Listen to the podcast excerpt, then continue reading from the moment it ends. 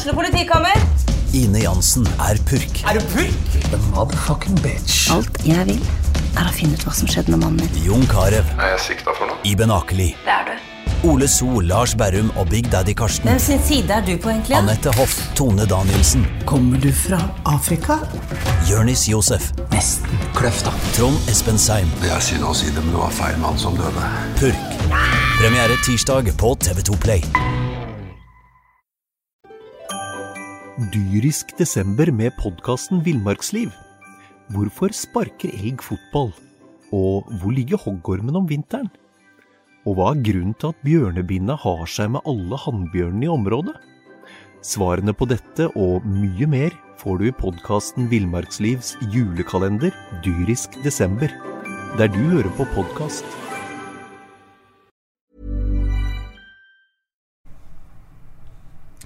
Velkommen til en ny utgave av eh, Fotballpreik, BA sin eh, fotballpod. Dere hører Jan Gunnar Kolstad, og eh, vi sitter nok en gang her og er misfornøyde etter ei helg eller en påskeavslutning der Brann ikke var veldig gode. Vi har med oss en eh, tidligere Brann-spiller, Tommy Knarvik. Velkommen. Takk for det. Eh, Vi skal selvfølgelig snakke en god del om Brann, og det skal du òg få lov til å være med på, eh, Jonas Johnsen. Ja. Det er jo ikke så veldig mye å ta av, det må vi si. Nei, altså, men, men eh, Tommy, eh, har vi grunn til å være skuffa nå? Jeg ser eh, Lars Arne Nilsen han snakker mye om at egentlig så er det bare det ene målet som mangler. Eh, så ville ingen snakket om nedtur. At det bare er uttellingen. Er det bare uttellingen som mangler på stadion? Ja, altså Det er veldig sånn komplekst dette der for oss som, for meg som er trener òg, så ser jo det litt på samme måte som Lars Arne gjør oppi denne greien her. Og nå har jeg sett en par av kampene deres, og de mot Viking òg, så er jo de til tider uheldige. Eh, der de kan ha kanskje tre straffespark i løpet av en kamp. Så er plutselig bildet snudd litt opp ned òg i forhold til både tabellposisjon og inngangen til denne Vålerenga-kampen. Nå ville det kanskje sett litt annerledes ut hvis du hadde vunnet den kampen i Stavanger. Så, så det er nok litt marginer og litt tilfeldigheter. Og så tror jeg òg at det er litt udyktighet òg, spesielt foran eh, boksen. For jeg tror at bakover banen så tror jeg at de kommer til å holde ganske bra stand i løpet av eh, sesongen. Ja, holder stand og holder stand. Jonas, vi ser et eh, Brannlag nå som eh, slipper inn eh, altså Motstanderlaget trenger ikke mange sjanser for å skåre på Brann nå. Er det tilfeldighet, eller er det, er det, har det skjedd noe i dette forsvaret? Altså, I går er det jo dyktighet.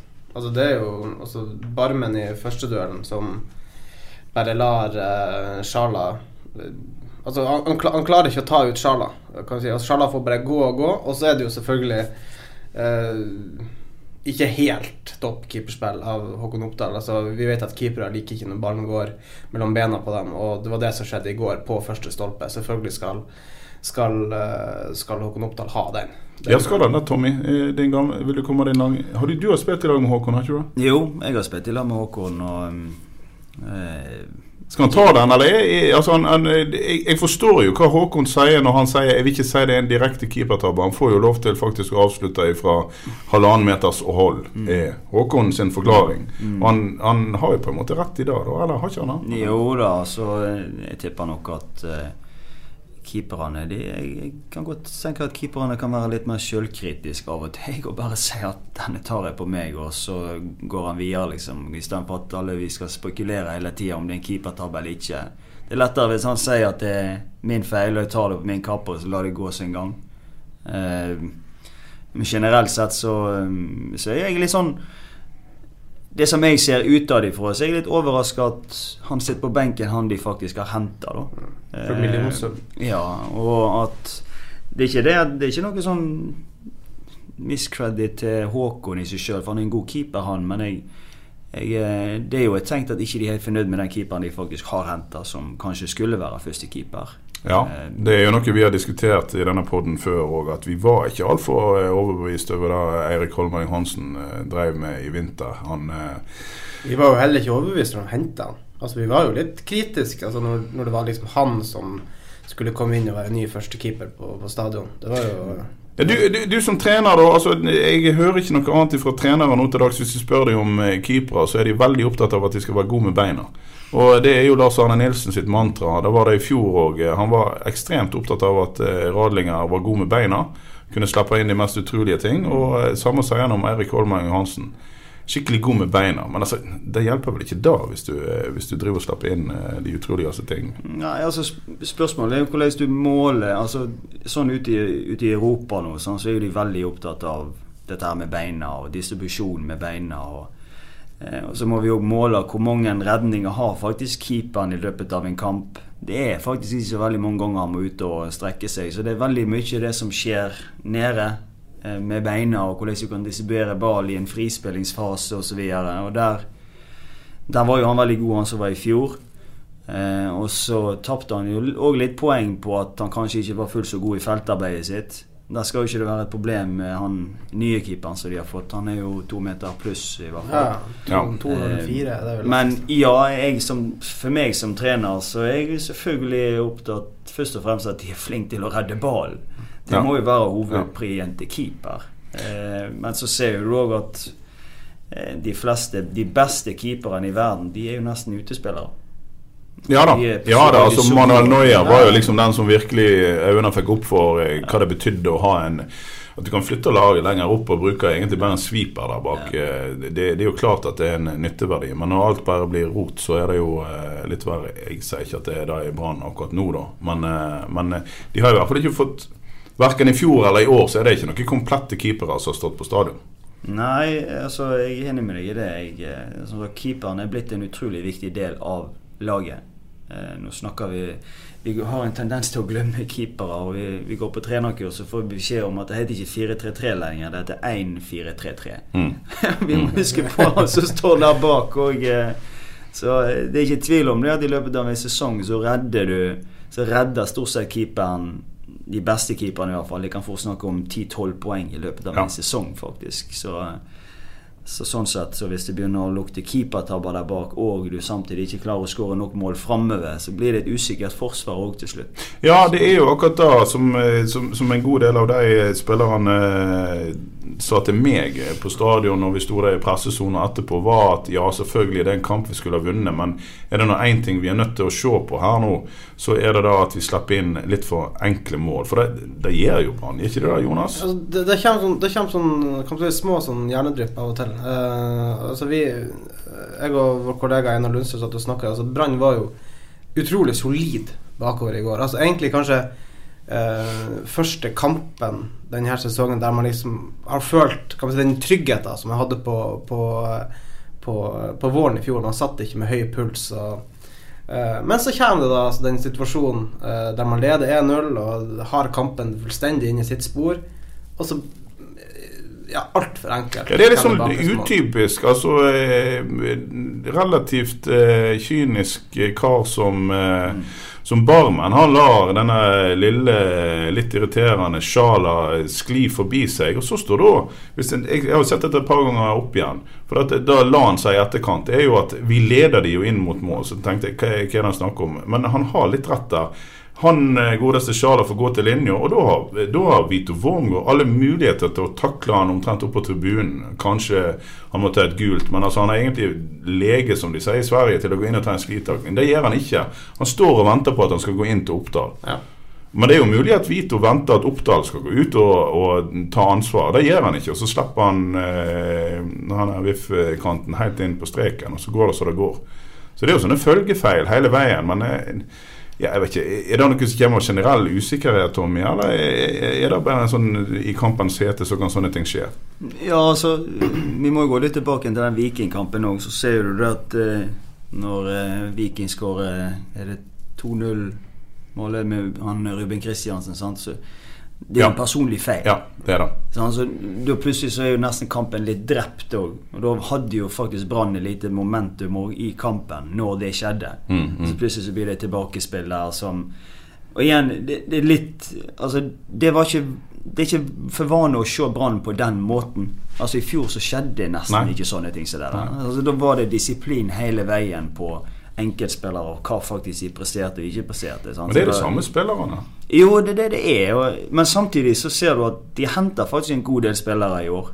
Inn til nye, som skal Det skal stemme inn igjen. sant? Du har nesten et helt eh, midtbaneledd du har fått nytt med både Petter Strand og Løkberg og og Ja, la, oss flytte, la oss med en gang bare ta og flytte oss fram der. Da, for da, da er vi så kanskje framme med det som interesserer og opptar folk mest for tida.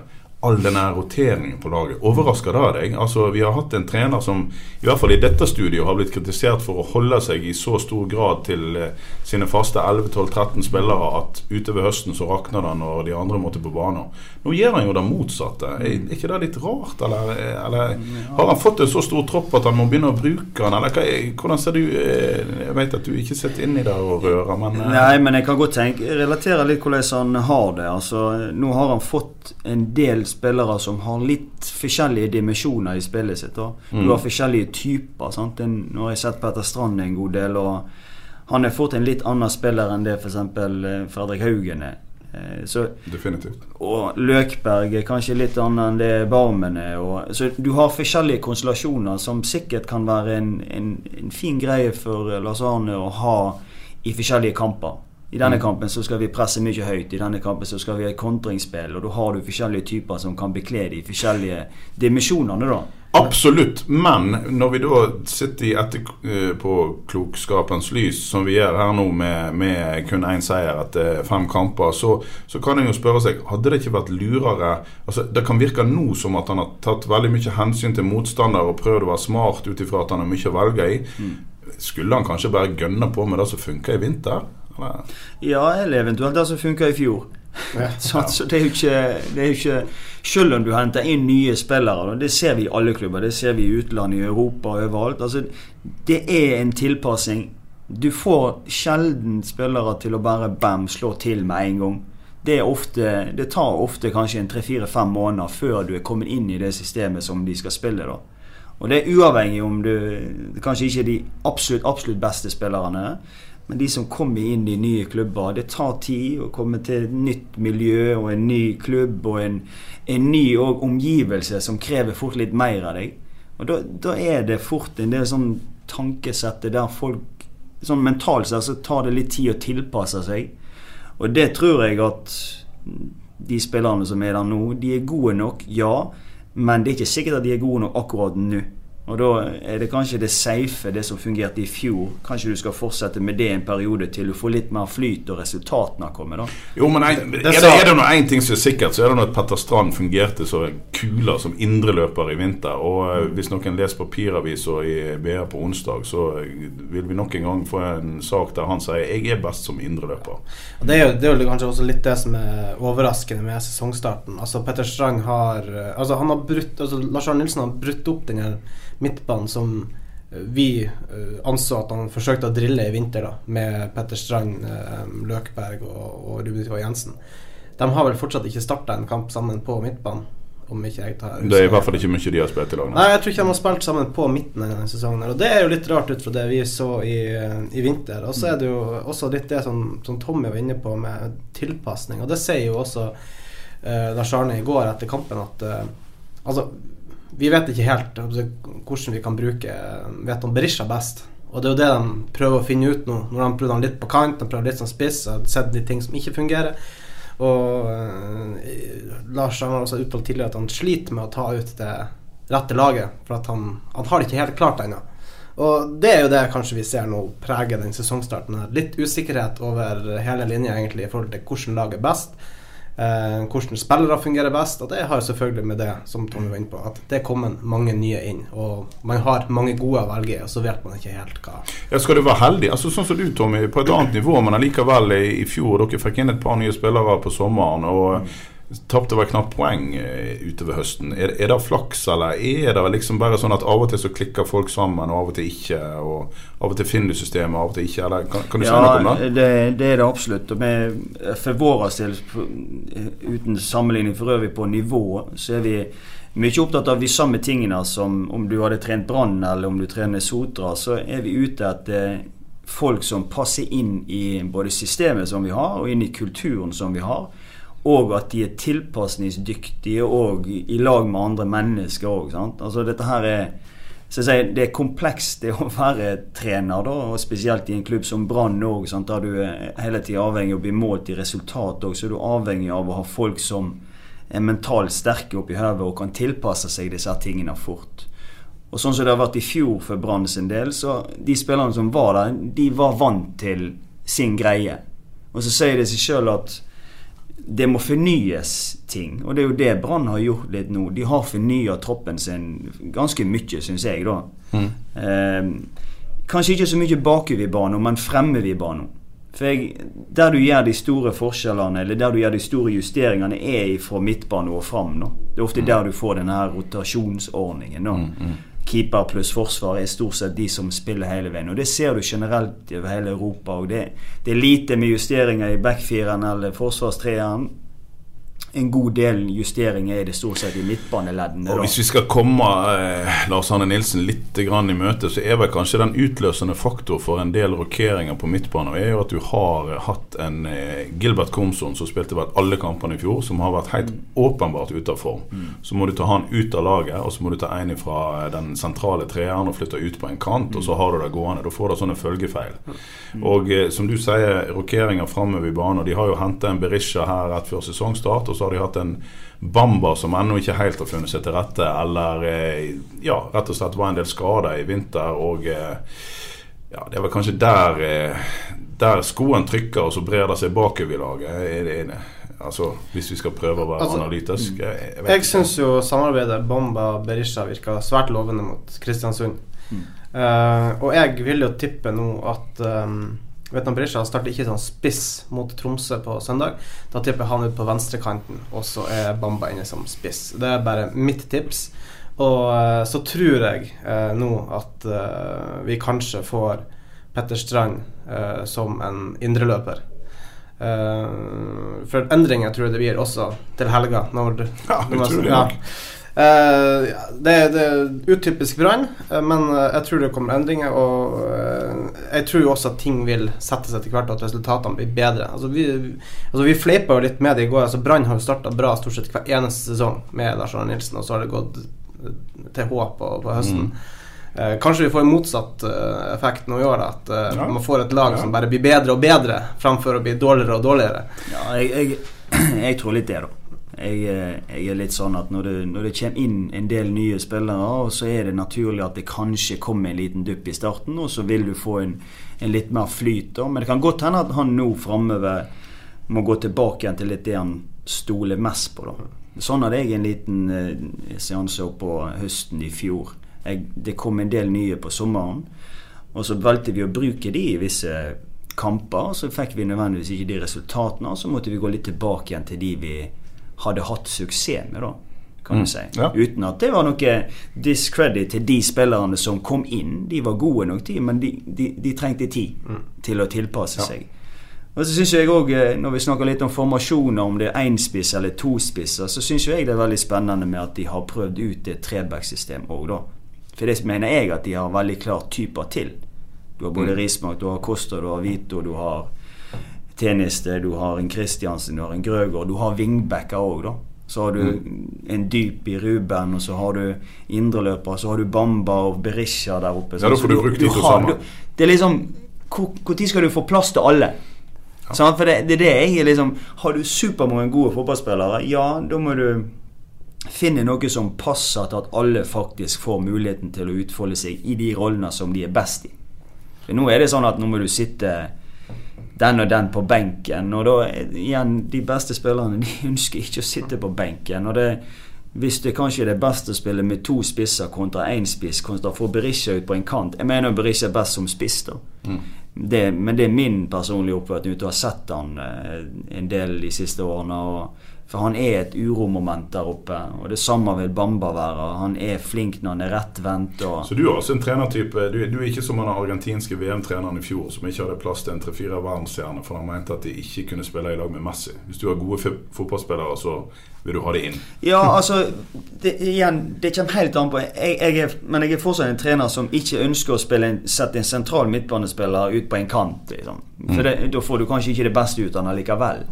Men hvis du har tre kjempegode sentrale, og så har du tre kjempegode spisser, da spiller ikke du med én spiss, så spiller du heller kanskje med to spisser for å få plass til de beste i sine posisjoner. da. Og så, som sagt, så har du tre kjempegode stoppere òg. Der ene er venstrefoter og de to andre er supergode duellspillere, og så har du wingback. Altså, igjen, jeg syns jo det har sett spennende ut når de har prøvd det, da. Men eh, jeg vet jo at han sverger til 4-3-3. Eh, og så går vi tilbake igjen i vinter, når de spilte med Løkberg og, og Strand og Yttergård Jensen. Så syns jeg det fungerte superbra, spesielt i den kampen mot Nest ute i Vestlandshallen. Mm. Da var det virkelig trøkk i de og fart i de. Og, Da var Komson også god. Det var kanskje også en nøkkel. ja, og Komson kan vel kanskje heller ikke spille i trebackssystem, da. Eller 3-5-2. Hvor skal du da bruke han? Han er vel mer en type kant i 4-3-3.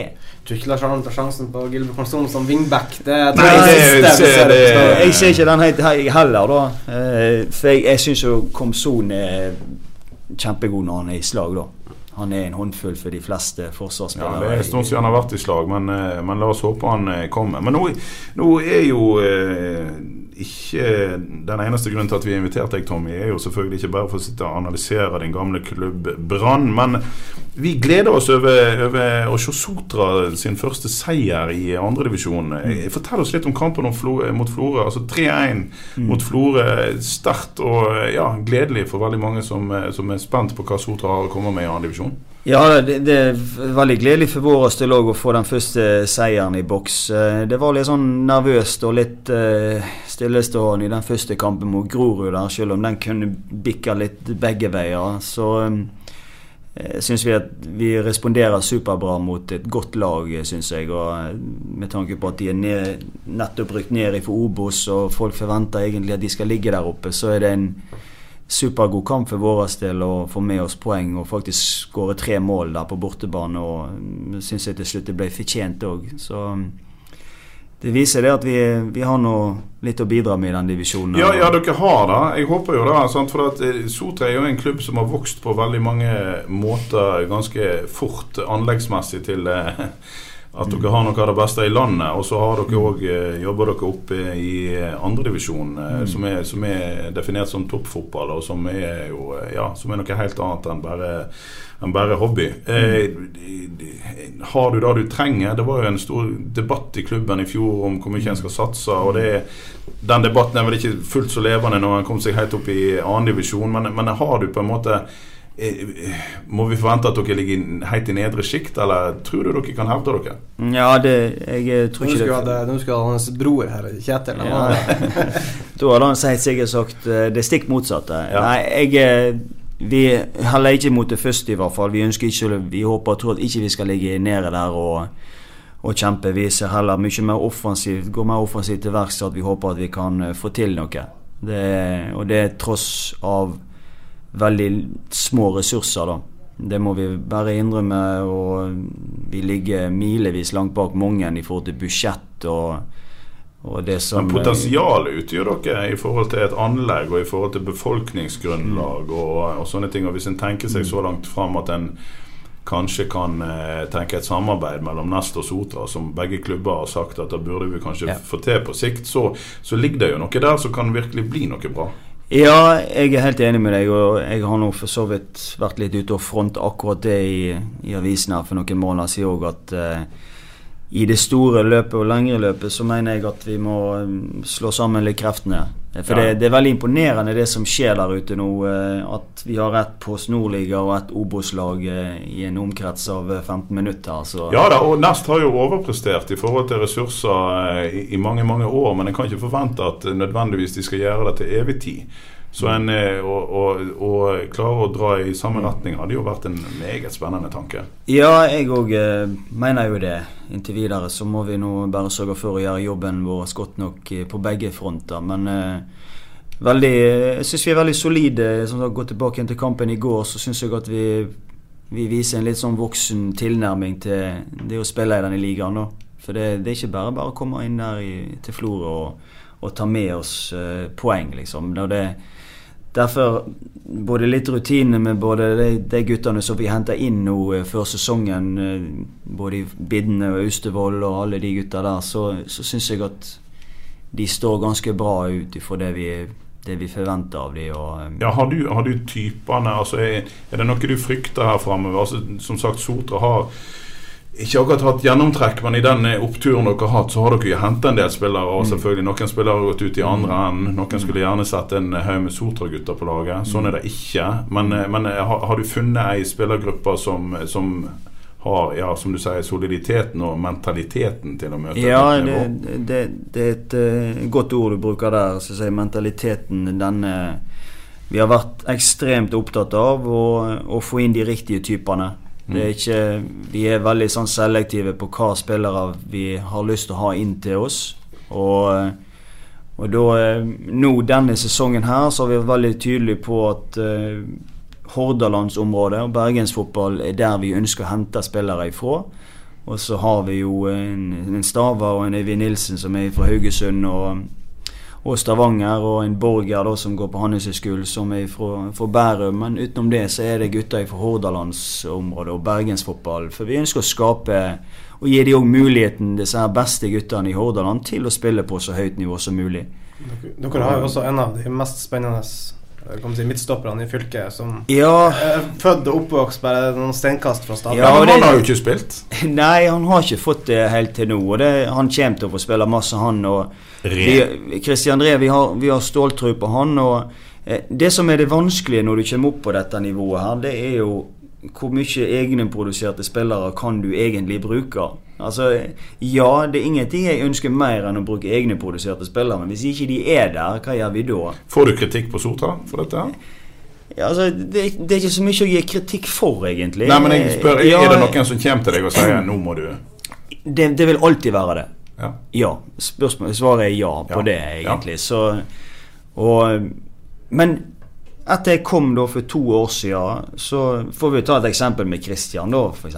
At eh, gutten var på og ga seg med fotball. Sant? Han spilte femtedivisjon, og han var ikke i nærheten av å egentlig å ha ambisjoner om noen ting. Vi venter og henter han dyrisk desember med podkasten Villmarksliv. Hvorfor sparker elg fotball? Og hvor ligger hoggormen om vinteren? Og hva er grunnen til at bjørnebinna har seg med alle hannbjørnene i området? Svarene på dette og mye mer får du i podkasten Villmarkslivs julekalender dyrisk desember, der du hører på podkast. Vi valgte å ha trua på han. Og Brattvåg-kampen for to halvannet år siden, så har han spilt alt. Absolutt alt. Så det er to kamper han ikke har spilt nå på halvannet år. Det er de to første seriekampene. Bare så kasta inn mot Brattvåg, som da endte opp med å vinne ja. tredjedivisjon og rykke opp til andredivisjon. Og er vel der fortsatt. Ja da. og så, så vi er veldig opptatt av utvikling, og vi er veldig opptatt av å holde denne snittalderen nede. For vi ønsker å gi unge gutter muligheten til å prestere og vise seg fram på dette nivået. Og så kanskje det kan komme noen som sier at ok, vi kan leve av fotball til slutt. Og så er det sånn at vi viser òg for omverdenen og spillere innad i Sotra, men òg utenfor klubben vår at ok, vi gir nå en Christian Ree en sjanse. Vi gir nå de muligheten til å å blomstre på dette nivået. Og så sier det seg sjøl at Brann nå skulle sikkert hatt flere egne produserte, men på det nivået som vi er nå, så må vi så er det spillerne sjøl. De må vise at de vil nok. De må vise meg som trener òg at de har lyst til å bli god. Og så blir de jobba godt nok og blir en rød tråd nedover i systemet i klubben òg, så blir det mye lettere òg etter hvert til å få opp disse her egne produserte spillere. Det, si, altså, det, er, det, er, mye lettere også, altså når du har sånn som nå, du har et Sotra som, som spiller på, på tredje nivå i norsk mm. fotball. altså Uh, da får du med en gang noe mer å strekke deg etter. Og da ja. får du vel også automatisk Du vil få bedre spillere også nedover i systemet. Du gjør det, og du får mer motivasjon òg innad i klubben. Altså Hvis, hvis vi hadde lagt i fjerdedivisjon nå, f.eks med, med A-laget vårt. Hvor har alle forsvunnet da? Jo, de hadde forsvunnet inn til byen, de. Så det å ha et godt A-lag og sette premissene for det som skjer generelt i klubben Altså det er alltid for de 7, 8, 9, 10, 12-åringene som ønsker å se opp til A-laget. De jobber de for at vi har suksess på det vi holder på med. Blir det fjerde, femte divisjon Altså Det er ingen som bryr seg om det i det hele tatt. Og da reiser folk innover til byen heller. Og sånn var det før. Men nå har vi kommet til klubben nå for et par år siden, så har vi klart å forandre litt etter litt på akkurat den mentaliteten der, da. Men vi har vært avhengig av suksess. Nå har vi rykt opp, sant? og nå har vi hatt en gradvis stigning i form av resultat der vi har vært. Og det forhåpentligvis skal betale seg da generelt i klubben og, og omdømmet vårt, ikke minst da. da. For det syns jeg har vært eh, Det ryktet og det omdømmet vi har fått forhåpentligvis i bergensfotball med måten vi har gjort ting på, er Det er på vei opp, da. Syns jeg i hvert fall. Ja. Så, er det jo, så er det jo også noe som også er utrolig kjekt med Sotra. Det er det er jo et lag, et lokallag som ikke heter Brann, som faktisk har også fotfeste blant eh, stedet det kommer fra. Det er Mm. masse folk på kamper til Sotra.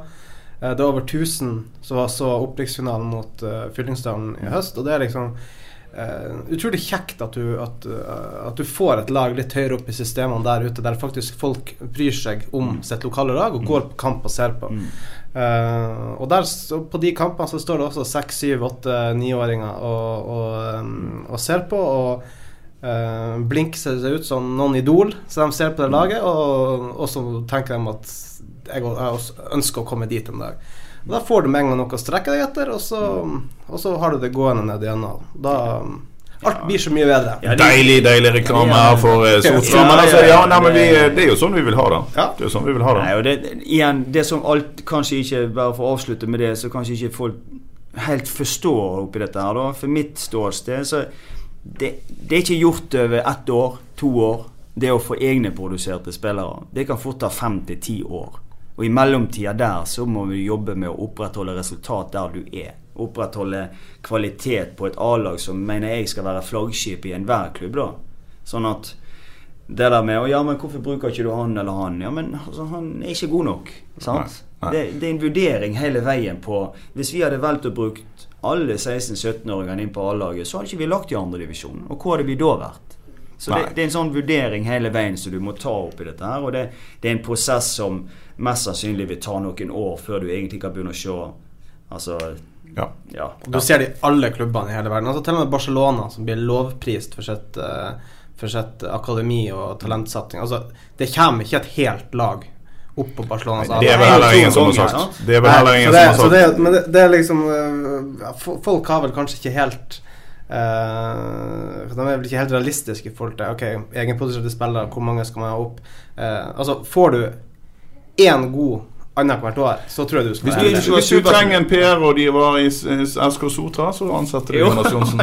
det, skal jeg huske på. Nei da, jeg er nå tuller jeg. Men eh, la oss flytte oss litt lenger nord til eh, en mann som er helt kynisk på hvem han eh, bruker, og henter så mange han eh, trenger eh, i hvert eneste overgangsvindu. Staffan Landro og Nest Sotra gikk på en smell mot eh, KFM, gitt, og står nå med en seier, en uavgjort og to tap. Det ligner litt på Branns i rekka.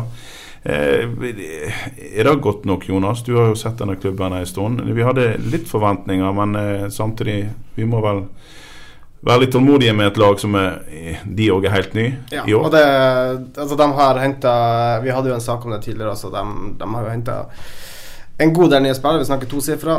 10-11 stykker. 12 kanskje, også til og med. Uh, men vi så det jo i vinter, at det her var et Nesotra-lag som eh, De slet med å skåre mål. De uh, slet også til tider litt med å skape sjanser. Så hadde de selvfølgelig enkeltkamper der, der uh, de skapte mye, men skårte ikke mål. Så det her må jo spilles sammen, men Steffen Landro, som alltid er opptatt av å snakke om hvor liten Nesotra er, så tror jeg faktisk fem poeng etter fem kamper, ett poeng i snitt. Det er nok uh, Fire poeng. Fire poeng, unnskyld. Ja, det er kanskje litt for lite, men uh, jeg vil tippe Steffen skulle sikkert hatt eh, ett til to, kanskje også tre poeng til. Så, men jeg tror ikke han uh, Han sover ikke dårlig av den sesongstarten. han hadde. Det var det en dårlig kamp. Altså, jeg, jeg vet at begge dere så deler av han. Kan dere sette sammen noe som eh, ligner på en analyse? Tommy, du så litt iallfall.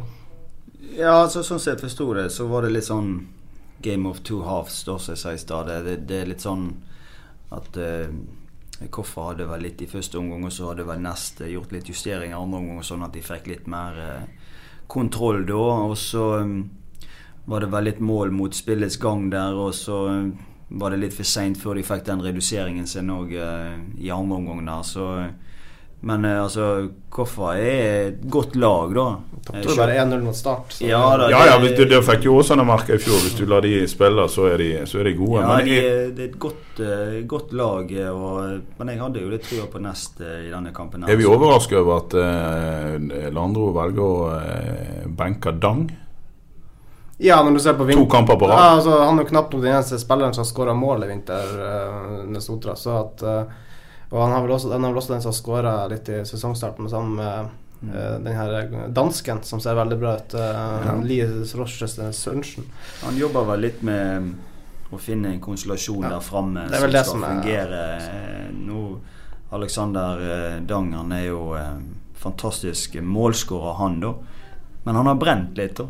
Eh, Så det var kanskje derfor han eh, kanskje vurderer det litt annerledes nå. Han, han brente jo en god del mot Raufoss i den første kampen som jeg så der ute på. Men Dangen, han veit vet du leverer mål. Ja. Så det, Ja. Bare for å ta igjen. Altså, Nesotra sto med fire tap i fjor. Fire strake tap. Ja, for all del. Eh, ja. De, de, jeg tror Nesotra også med Brann kommer til å bli bedre og bedre. Og, Ja.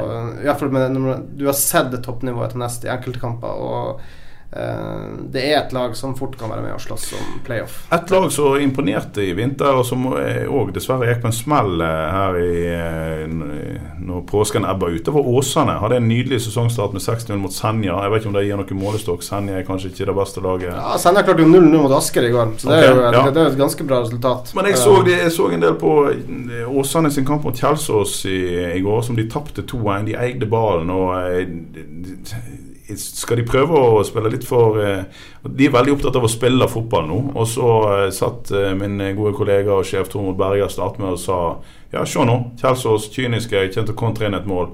Ja, det var akkurat det de gjorde. Eh, de, altså, Går det an til å spille for fin fotball ute på Myrdal for tida? Eller? Altså, det, nøkkelen mot Senja var at man fikk, man fikk jo skåringer på perfek perfekte tidspunkt.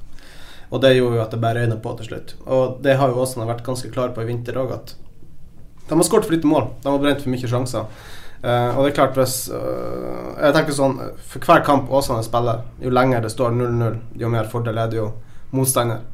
Uh, for hvis Åsane sliter med å få hull på bilen, så får de fort sånn smeller, sånn som i går mot Kjelsås, der de helt klart burde vunnet kampen. Iallfall Morten Røsland mente det. Han kalte vel ran på høylys. Ja, jeg tror ikke han tok helt feil. skjønner du. Så de, eh, de eh, skal voktes litt, og vi så det også mot Senja, at eh, de fikk noen farlige brudd imot som Senja ikke tok godt nok vare på. Så det er klart Åsane skal passe seg litt. Altså, Iallfall når de møter de bedre lagene, sånn som Kjelsås, Asker. Nå har de vel Elverum til, til helga, et lag som for ikke så altfor mange år siden spilte i førstedivisjon, og som mange forventer skal være der oppe. Så eh, de må eh, for det første begynne å skåre oftere. Nå skåret de masse mot Senja, men det må eh, Får de, får mål, tidlig, og sånn, så og få kampen i spor, da kan det fort bli mange målshow. Men Det som gleder meg litt eh, av det jeg så av Åsane i går, er jo en eh, Lorentzen som eh, som endelig jeg syns begynte å se skikkelig eh, skarp ut. Han kunne sikkert skåret flere mål da, men, men eh, det, det er vel Hadde vært et Altså- vakkert mål mot Senja. Ja, eh, og det er jo en gutt som eh, var den eh, yngste målskåreren i Eliteserien noensinne, og så har han på en måte forsvunnet. Men det- det er vel her funksjonen til klubber som Sotra, Åsane, til dels Nest og sånt kommer inn. At en skal Altså folk, som, som vi var inne på her tidligere i sendingen, Tommy, så, så tror jo folk at at lokale gutter bare skal spasere inn på topplagene. Sånn er det vel ikke. De, de må kanskje ta seg en omvei. Hvis han nå lykkes med en omvei og kommer tilbake, så hadde jeg i hvert fall gledet meg veldig. Mm. Ja, veldig. Jeg eh, har fulgt litt med på hans utvikling de siste årene òg. Og det, det er en spiller som har kapasitet til å spille høyere oppe i systemet. Ja. Og, og samtidig så har han kanskje ikke truffet helt med, med klubbskiftene sine som nødvendigvis uh... Nei, for En skal ha litt flaks. Det vet jo du eh, litt om, som eh, fikk en flott karriere. Men altså, det, er ikke, det, er ikke, det er ikke alle klubbvalg som blir riktig til enhver tid. Og det er veldig viktig kanskje i begynnelsen av karrieren Mm. spesielt å treffe. Ja, jeg òg tror det. Og så er det òg eh, viktig Nå er ikke han en, for eksempel en, den unggutten i seg sjøl, men jeg, jeg tror at for unggutter nå til dags så eh, er de litt for utålmodige. Eh, jeg skulle gjerne sett at de var litt mer tålmodige og tenkte mye mer på de, de gode valgene som de valgte å ta. da, altså Om det var en den klubben der du får mest spilletid, kontra den mer profilerte klubben der du får mindre spilletid. At de tenker mye mer sånn egoistisk sett på hvor jeg kan få spilt mest fotball.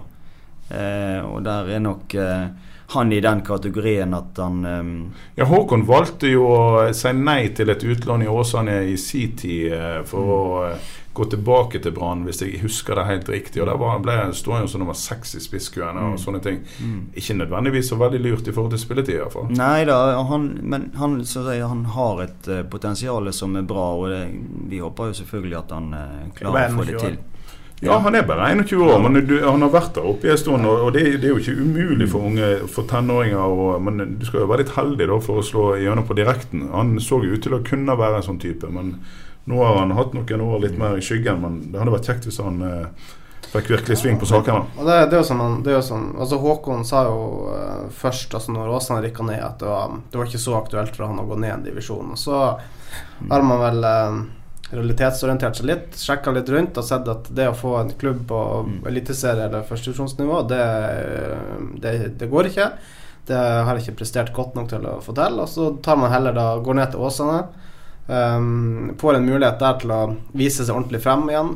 Det å skåre 20 mål i, Eller det å skåre tosifra i andredivisjon er jo nesten uh, det, er jo, ne- det er jo nesten blitt en enveisbillett til, eh, til, um, til Eliteserien. Og, eh, og som Håkon sa sjøl nå etter kampen mot Senja, at han tar, han tar ett steg bak for å håpe å kunne ta to steg frem igjen. Ja, det er Eh, vetugt sagt. ja, Ja, jeg, tror det, jeg tror det er fornuftig av han å, å nå gå tilbake til Åsane og få bygd på seg litt selvtillit og, og begynne å skåre mål. Og, vi, også, og det som du sier, vakkert mål eh, mot Senja, det var altså da et innlegg som, eh, som han da valgte å hælflikke i, i, eh, i mål. Sylfrekt, og sånt som kun spillere med selvtillit gjør. Ja, sjøltillit har han jo. Er veldig fornuftig det som du sier der på. Og det, hvis han har den tankegangen der, så viser det at han er litt reflektert oppi alt dette her òg. Men det som jeg eh, tenker litt på her, det er at eh, jeg tror nok at vi kommer til å se en tendens nå i årene som kommer, med at vi har spissa da den her på Nordligaen, og vi har kanskje fått en,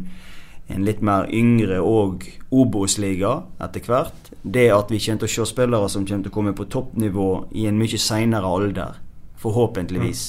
Sånn at om du har en 21-åring eller 22-åring eller 23-åring som begynner å prestere godt ned i Obos-ligaen, i og på Nordligaen for den saks skyld, så tror jeg at du kommer til å se flere spillere som kanskje blir 5-26 år før de faktisk får debutere i Eliteserien. Noe som kan kanskje være en styrke for de som spiller òg, og egentlig en styrke for Post Nordligaen òg spesielt. da, At du kommer til å se mye mer spillere som kanskje ikke får debutere når de er 18-19, men de debuterer kanskje når de er 5-26 år. Norges eh, eh, uoffisielt eh, omtrent krona beste sportssjef Thomas Berntsen i Sarpsborg sier jo at de har jo nesten en egen kategori som de går etter, akkurat de typene der, som ikke har slått tidlig gjennom, men som kanskje òg muligens har måttet ta et steg ned, eller har brukt litt tid. De er veldig interessert i de typene som har måttet jobbe litt hardt, og som da kanskje Zakariassen. Ja, Zakariassen er en av de, og som da eh, kan, eh, kan bli en enorm ressurs. Så, eh, så Ja, jeg tror at spillere generelt sett klarer de å stå litt i det i en periode fra alderen 20 til 25 år. Og virkelig legge ned et godt stykke arbeid hvis du har talent og hvis du har den virkelige innstillingen til det, så tror jeg at du kommer til å se flere spillere som får muligheten da, som kommer som sagt fra Post Nord eller delvis Obos òg, og får muligheten da til å spille litt høyere oppe. Så det er litt denne, denne tålmodigheten de må ha. Og litt denne skikkelige innstillingen og viljen til å stå litt i det i en periode. Den Forhåpentligvis så ser vi mer av det da. Og da får du kanskje disse tilfellene, spesielt som Sarpsborg, som henter han Rostedt fra en andredivisjonsklubb, og så blir han solgt etter ett år til Belgia. Sant? Altså Du Mm. får litt sånne solskinnshistorier da, som jeg tror kan være positivt for uh, veldig mange klubber òg, da. Og sånn har vi et sånn ark hengende på veggen oppe på brakka si der oppe, der det står eh, Om jeg ikke husker helt vel, så står det at eh, hardt arbeid slår talent, men begge deler slår alt. Det er vel det som er Mm. grunnpilaren i det man kanskje ønsker å fortelle. Ja, altså for å, dra en, eh, for å dra oss litt ut av fotballen og inn i en generell idrettslig greie, så har jeg i snart ti år vært med å jobbe i, med BA sin talentkåring. Sammen med, sammen med Olympiatoppen så kårer vi Hordalands 50 største idrettstalent i slutten av tenårene i hvert år. Og Der har vi ulike kriterier. Og eh, etter å snakke mye med folk som jobber med toppidrett, så er det jo ingen tvil om at eh, er det én ting altså Du kan ikke komme til topps kun på talent. Det er nesten ingen, det er ingen som gjør det i dag. Men du kan faktisk komme unnskyld uttrykket, jæklig langt på eh, arbeidsvilje. Og hvis det er én ting du er nødt til å ha når du skal ta steget fra lovende til virkelig god, så er det denne treningsmoralen og ja, viljen til å, som du sier, Tommy, stå i det. Så, um, så det er en oppfordring til de som er unge og tror at de skal slå gjennom når de er 18. Det er ikke alltid det skjer.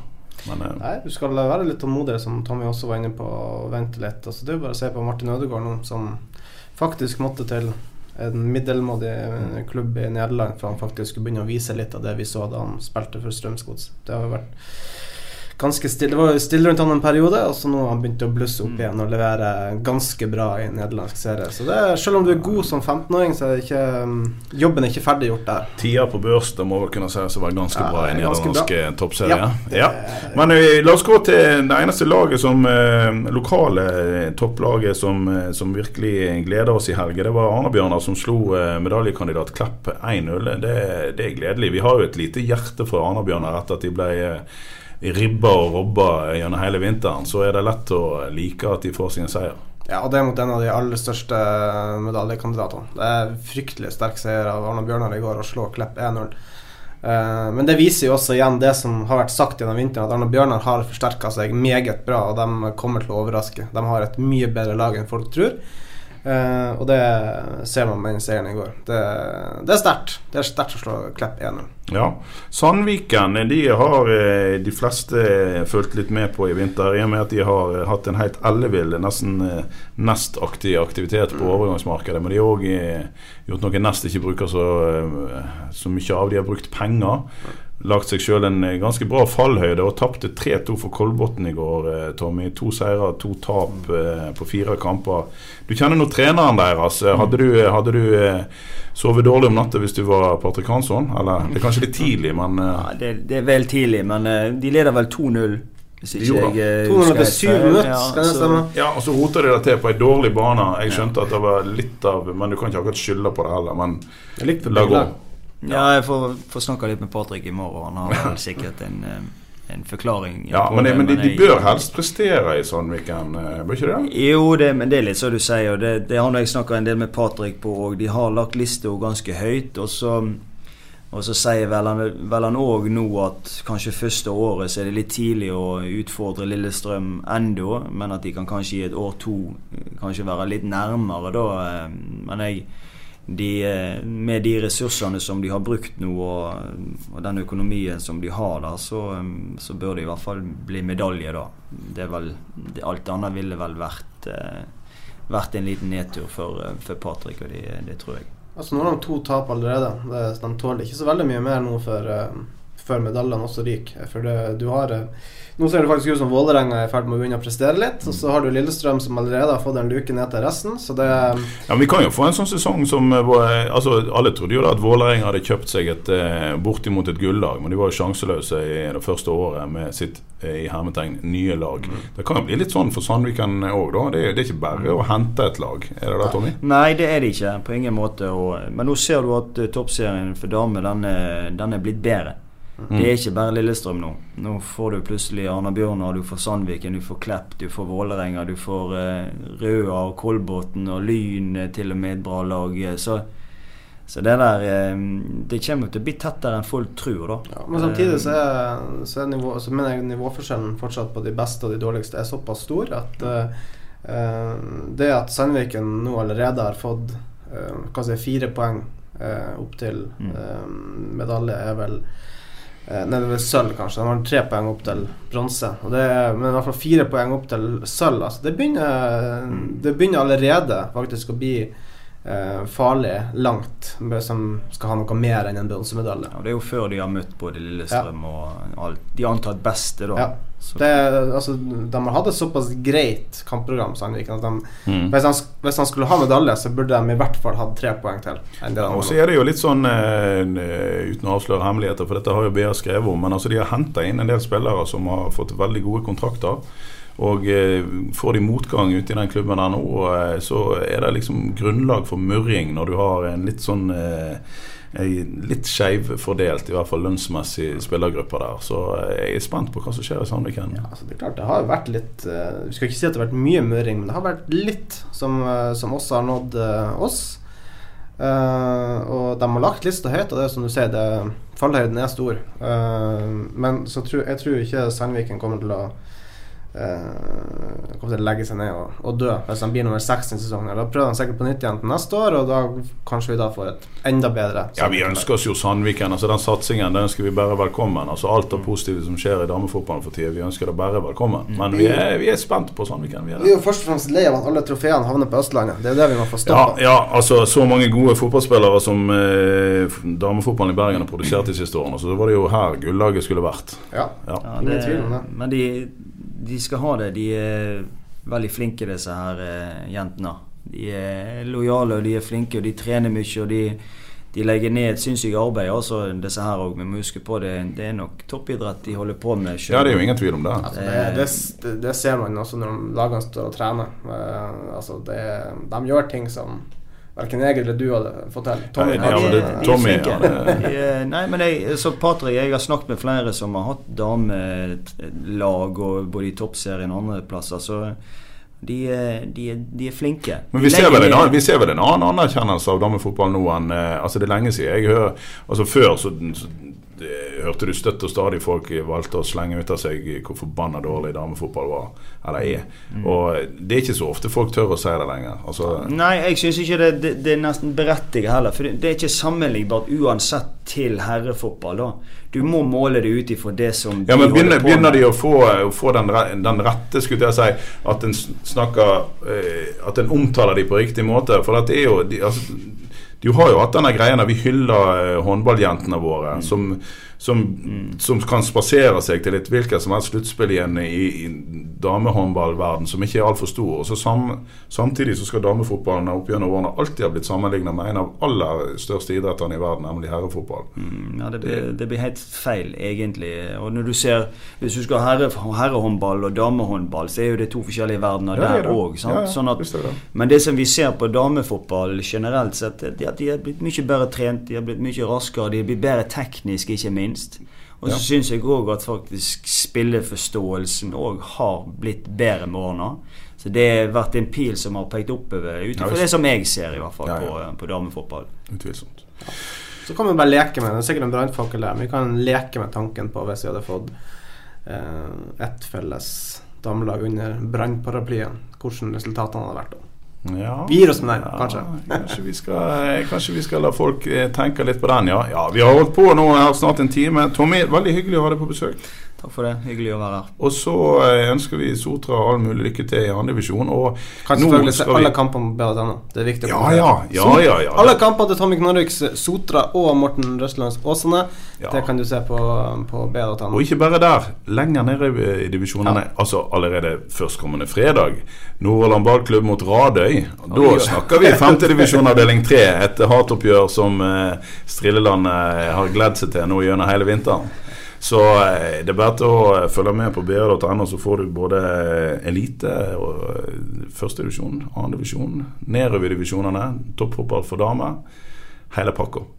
Rett og slett. Så eh, følg med. Og vi er tilbake med en ny pod eh, når Brann har vært oppe i Tromsø og svingt seg. Da vil jeg si at eh, vi svinger oss i gang igjen her i studio neste mandag.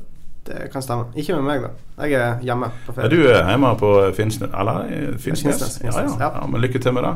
Jan, takk skal du ha, Tommy. Vær så god.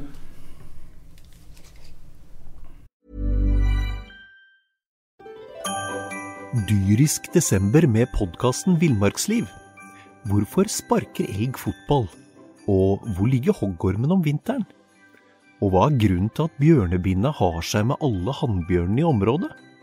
Svarene på dette og mye mer får du i podkasten Villmarkslivs julekalender Dyrisk desember, der du hører på podkast.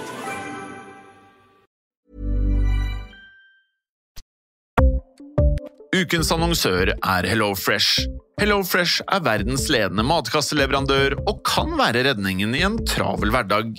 Mange av oss har nok vandret i butikken både sultne og uten en plan for middagen, som ender med at vi går for de samme kjedelige rettene gang på gang.